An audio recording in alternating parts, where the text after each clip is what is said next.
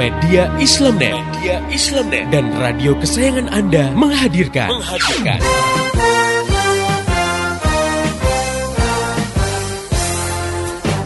Voice of Islam. Voice of Islam. Voice of Islam.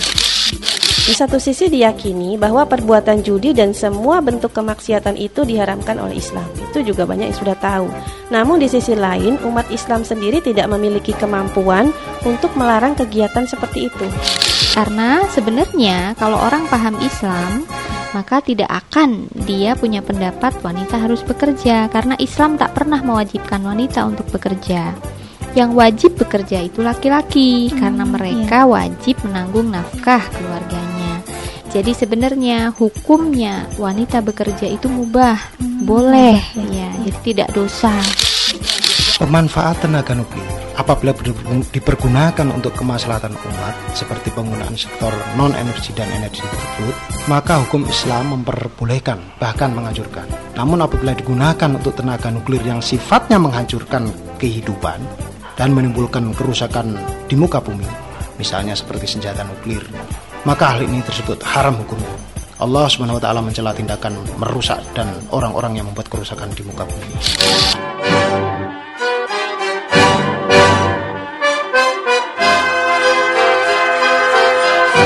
Voice of Islam. Voice of Islam. Voice of Islam.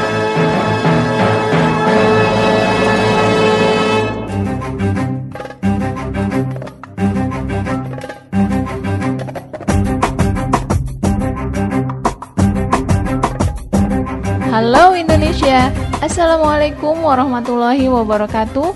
Jumpa dengan saya Tresna Sari dalam program Voice of Islam. Kerja bareng Media Islamnet dengan radio kesayangan Anda ini. Dan selama 30 menit ke depan Voice of Islam akan mengisi ruang dengar Anda dalam rubrik Tamu Kita Pekan ini. Pendengar yang budiman, telah hadir tamu kita pekan ini, Ustazah Insinyur Dini Sumaryanti, yang biasa disapa dengan Ibu Dini. Beliau adalah praktisi pendidikan anak usia dini atau biasa kita kenal dengan singkatan PAUD. Sehari-hari aktivitas beliau adalah sebagai koordinator PGTK Mentari Indonesia Asuhan Kak Seto, wilayah Bogor, dan Kepala Sekolah TKIT Al-Muhajirin Komplek IPB Sinang Barang 2 juga sebagai pengurus Himpaudi Departemen Litbang Kodia Bogor. Baik, kita sapa dulu beliau. Assalamualaikum Ustazah. Waalaikumsalam Mbak Trisna. Pendengar yang budiman, sebentar lagi kita akan jelang tahun ajaran baru. Tentunya orang tua yang punya anak usia balita sudah mulai sibuk menyiapkan sekolah buat anaknya. Uh, bahkan sebelum itu sudah mulai memilih-milih sekolah mana yang paling baik untuk anak-anaknya. Nah, Perbincangan kita kali ini akan sangat menarik karena topik yang akan diangkat yaitu kapan anak mulai sekolah. Ini sangat penting untuk diketahui oleh setiap orang tua, khususnya yang memiliki anak usia balita. Eh, bagaimana tuntunan Islam tentang masalah ini? Kita akan bahas segudang pertanyaan tentang kapan anak mulai sekolah setelah kita dengarkan lagu yang berikut ini. Tetap setia di Voice of Islam berkata tanpa bersuara Mendengar apa yang tak Nyawa kalian lebih tebal dari setiap kokohnya karang. Membuka jendela dengan matahari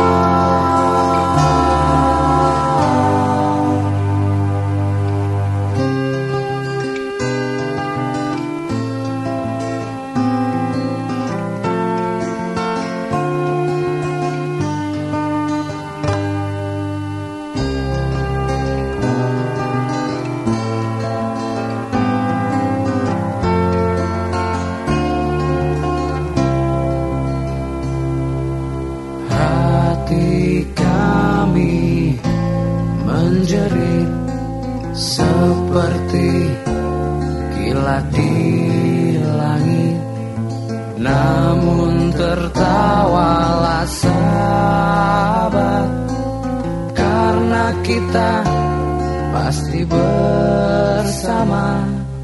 Cinta hantarkan bahagia. Bawakan kedamaian. Membuka jendela dengan mata hati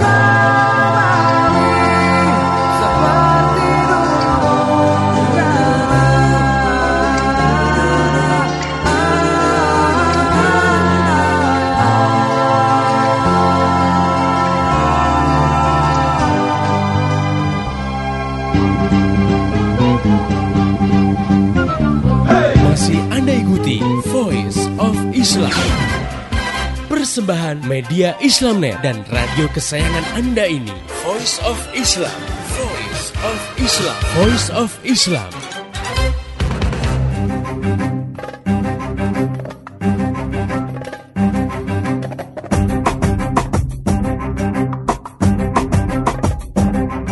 Masih di Voice of Islam, kerja bareng media Islamnet dengan radio kesayangan Anda ini.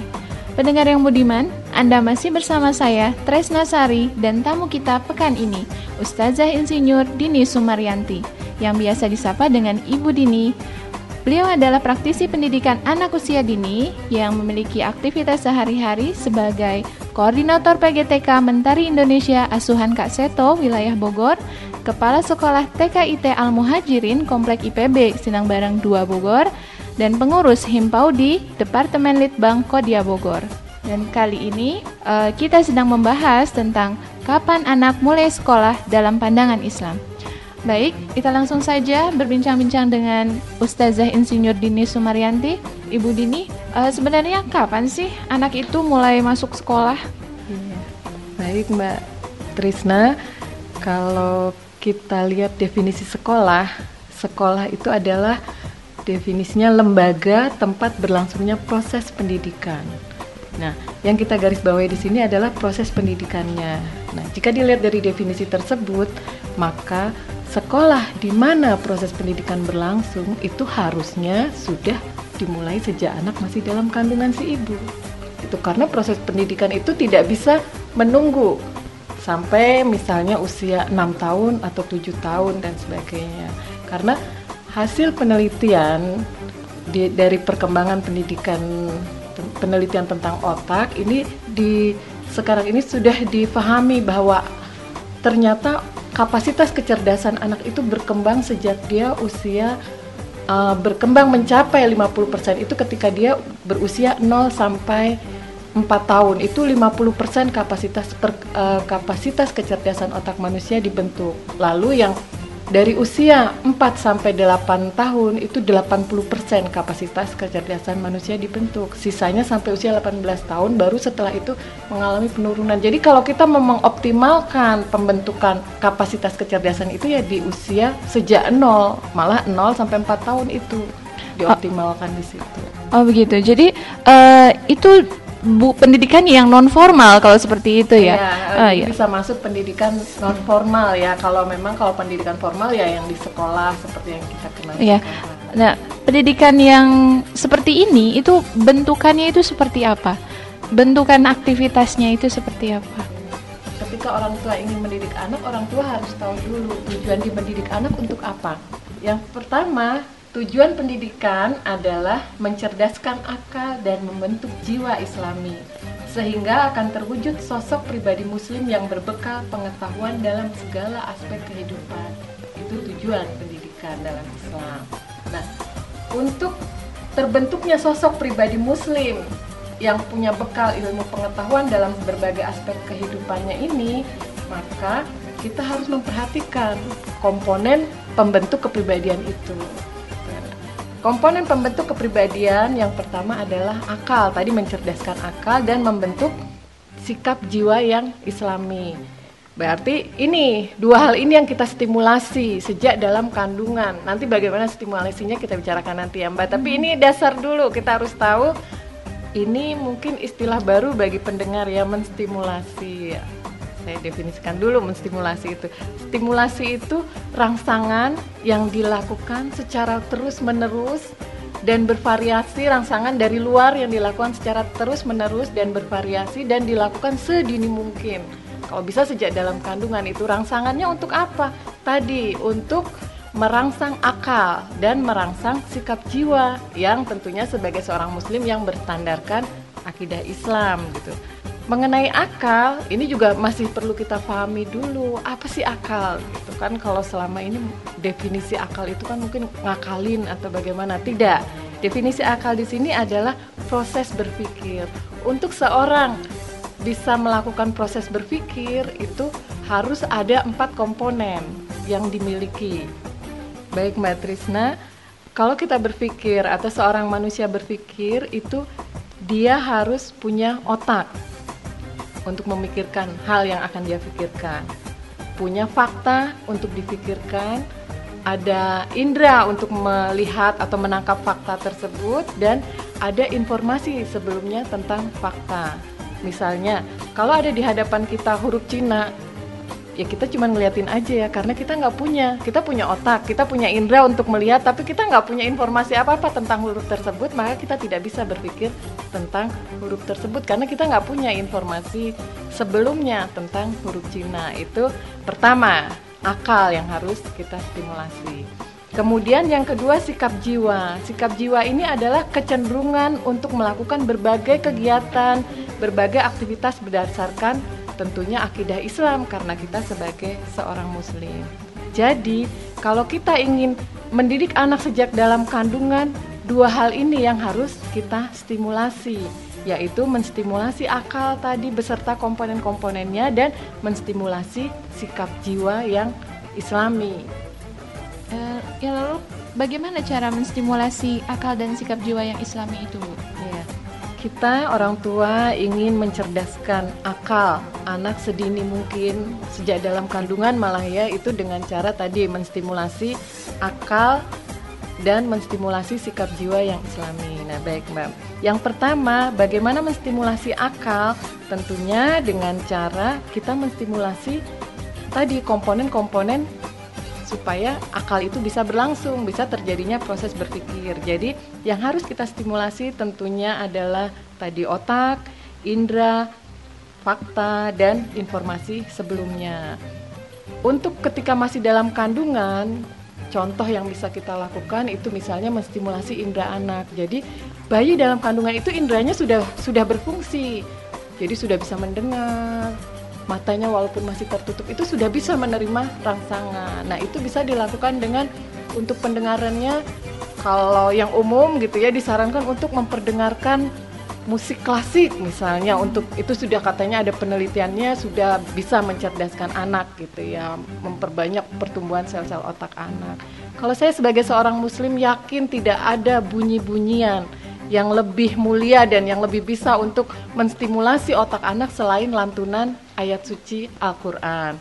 Bisa juga kita perdengarkan kalimat-kalimat toyibah, kalimat-kalimat baik, perkataan-perkataan baik yang selalu diucapkan oleh si ibu maupun dibisikkan oleh ayah ke perut istrinya misalnya atau untuk menstimulasi indera bisa dirangsang dengan menyalakan dan mematikan senter di perut ibunya itu untuk menstimulasi indera merangsang eh, sel-sel otak yang terkait dengan indera penglihatan itu terstimulasi. Bisa juga disarankan untuk membuat misalnya Mbak menggunting gambar berbentuk kupu-kupu lalu ditempelkan di perut si ibu sambil ibunya menyebut ini kupu-kupu, ini mangga, ini apa dengan memberikan informasi. Nah, diyakini oleh para ahli ketika bayi lahir itu udah tahu ngelihat bentuk kupu-kupu itu seperti itu. Nah, itu berbagai macam stimulasi dengan memberikan banyak eh, informasi itu akan jadi banyak fakta itu akan jadi informasi bagi anak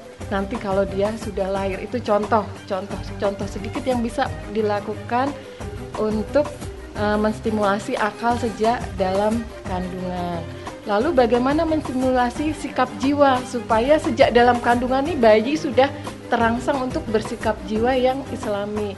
Tidak ada cara lain selain ibunya terbiasa sejak anak masih dalam kandungan itu dalam melakukan semua aktivitasnya berstandarkan akidah Islam sehingga ruh atau semangat si ibu untuk melaksanakan syariat Islam, melaksanakan aturan-aturan Islam itu sudah tertanam kepada anaknya sejak masih di dalam kandungan. Jadi saya punya teman ketika ada waktu serangan Amerika ke Irak atau waktu itu ke Afghanistan mungkin ya. Itu dia sedang hamil besar, sudah siap melahirkan.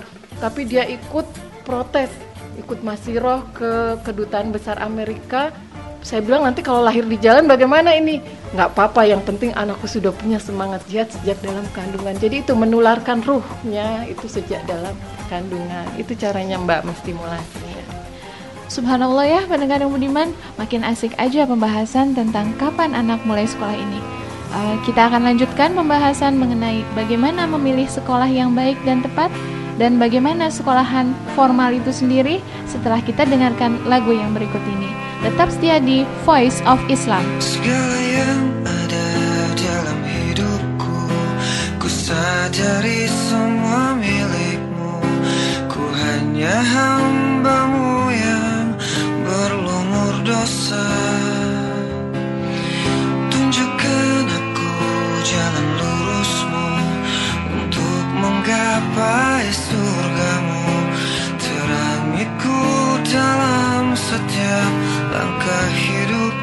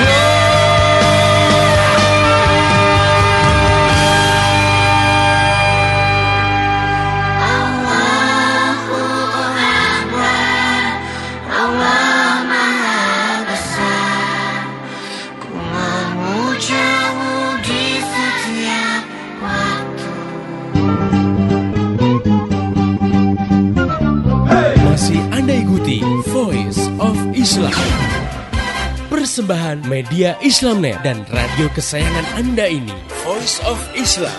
Voice of Islam. Voice of Islam.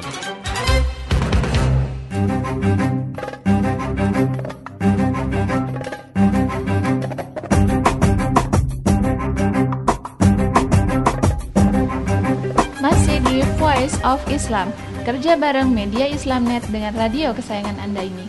Pendengar yang budiman, Anda masih bersama saya, Tresna Sari, dan tamu kita pekan ini, yakni Ustazah Insinyur Dini Sumaryanti, yang biasa disapa dengan Ibu Dini.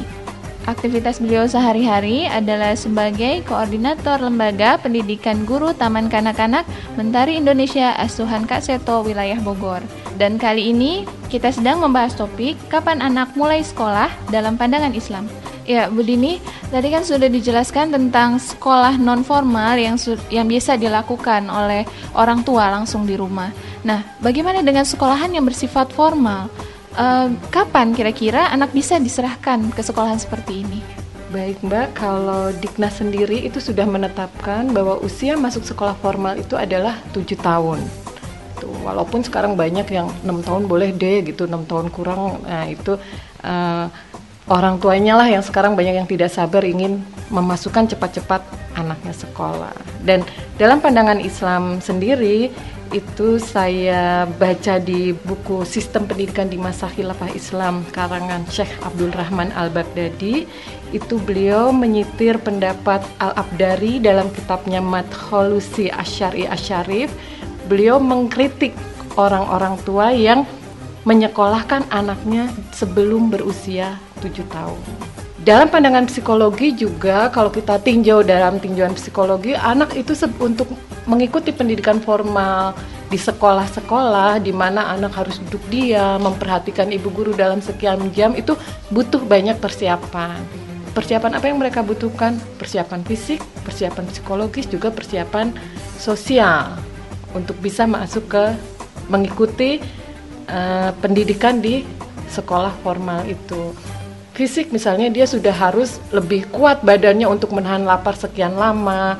Dia sudah harus bisa mengendalikan eh, apa BAB dan BAK-nya. Dia sudah harus bisa mengendalikan koordinasi motorik halusnya misalnya menulisnya sudah mulai harus bisa mengikuti apa yang didiktekan oleh ibu guru dan sebagainya. Padahal diketahui bahwa kesiapan jari otot-otot kecil di tangan ini untuk menulis itu di usia paling cepat 6 tahun. Itu kesiapan fisik. Belum lagi kesiapan psikologis.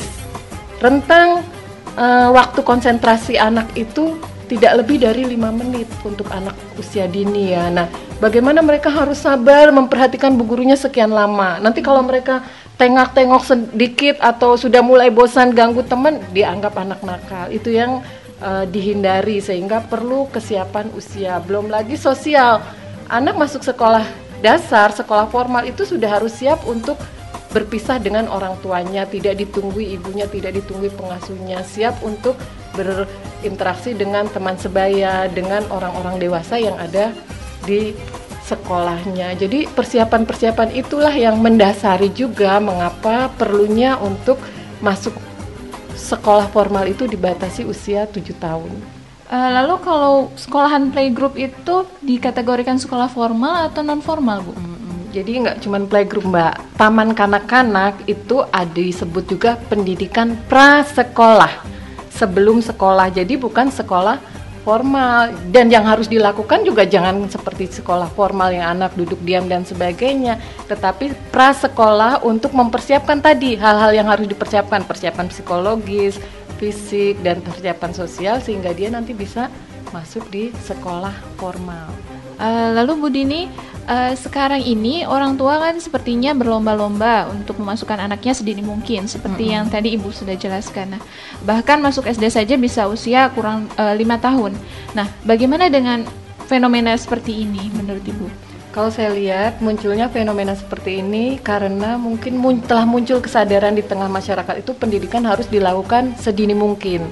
Tapi banyak orang tua yang merasa bahwa dia tidak mampu untuk melakukan pendidikan sehingga mereka merasa perlu untuk menyerahkan ke lembaga yang menurut mereka lebih kompeten. Padahal sebenarnya ibu itu adalah lembaga yang paling kompeten untuk mendidik anak itu yang pertama kemudian yang kedua juga banyak ibu-ibu yang bekerja di luar rumah yang merasa tidak punya waktu untuk melakukan pendidikan di rumah untuk anaknya dan yang paling parah ditambah lagi dengan menipisnya pemahaman di kalangan umat Islam tentang aturan Islam itu sendiri di mana Islam memberikan kepada ibu itu tugas utamanya adalah sebagai ummu warobatul bait atau sebagai ibu dan pengatur rumah tangga yang tugas pokoknya adalah melakukan pengasuhan dan pendidikan untuk anaknya. Ya, itu yang saya lihat uh, hal yang menyebabkan banyak orang berlomba-lomba sudah muncul kesadaran pendidikan harus dilakukan sedini mungkin, tapi ibu-ibu pada nggak pede gitu kali ya. Oh, seperti itu ya. Uh, lalu untuk memilih sekolah yang baik itu dan tempat untuk anak seperti apa, Bu? Baik, Mbak. Baik, sekolah yang baik untuk anak tentu saja balik lagi ke pendidikannya uh, tujuan pendidikan tadi orang tua mau menyekolahkan anak untuk tujuannya apa lah kalau tujuannya untuk membentuk anak-anak yang berkepribadian Islam yang memiliki akal yang cerdas dan memiliki pola sikap jiwa yang Islami tentunya visi sekolah harus mencari visi dan misi sekolah yang harus memiliki tujuan tersebut. Jadi lihat visi dan misi sekolahnya. Kemudian lihat juga bagaimana cara sekolah itu mengkondisikan setiap hari murid-muridnya itu untuk selalu sikap mereka, sikap guru-guru memberi contoh, sikap anak-anak terhadap guru, terhadap teman dan dewasanya itu yang selalu berstandarkan kepada aturan-aturan Islam. Gitu. Jadi bagaimana sekolah mengkondisikan tercapainya tujuan pendidikan tersebut. Itu memang harus survei sekolah melihat bagaimana model pembelajarannya. Itu secara umum. Lalu untuk pendidikan yang prasekolah misalnya playgroup dan TK harus diingat juga sekolah yang tetap membuat anak pada dunia mereka. Ingat dunia anak dini usia adalah bermain sehingga sekolah yang mengkondisikan belajarnya itu sambil bermain. Kalau sekolah uh, prasekolah itu sudah banyak berhitung menulis dan sebagainya, saya sangat tidak menyarankan. Belajarnya anak di usia adalah dengan bermain. Oke, buat pendengar yang ingin bertanya, memberikan kritik, saran, dan masukan, Anda bisa kirim surat ke radio kesayangan Anda ini atau kirim melalui SMS ke nomor 0856 atau bisa juga melalui email ke mediaislamnet@yahoo.com. Saya Tresna Sari dan seluruh kerabat kerja yang bertugas mengucapkan terima kasih kepada Ustazah Insinyur Dini Sumaryanti atas penjelasannya. Ya, sama-sama ya. Dan terima kasih juga buat para pendengar yang telah setia mengikuti acara ini. Pesan saya, sampaikan apa yang Anda peroleh dari acara ini kepada yang lain agar rahmat Islam bisa segera tersebar luas, termasuk di kota Anda yang tercinta ini. Dan esok hari, insya Allah, Voice of Islam akan kembali hadir di ruang dengar Anda pada waktu dan gelombang yang sama. Mari menimbang masalah dengan syariah. Assalamualaikum warahmatullahi wabarakatuh. Demikian tadi Voice of Islam. Voice of Islam. Semoga hikmah yang terkandung bermanfaat untuk kita semua. Amin amin amin ya robbal alamin. Kembali bisa Anda dengarkan Voice of Islam. Voice of Islam menghadirkan topik-topik seputar kehidupan kita esok hari di waktu dan gelombang yang sama.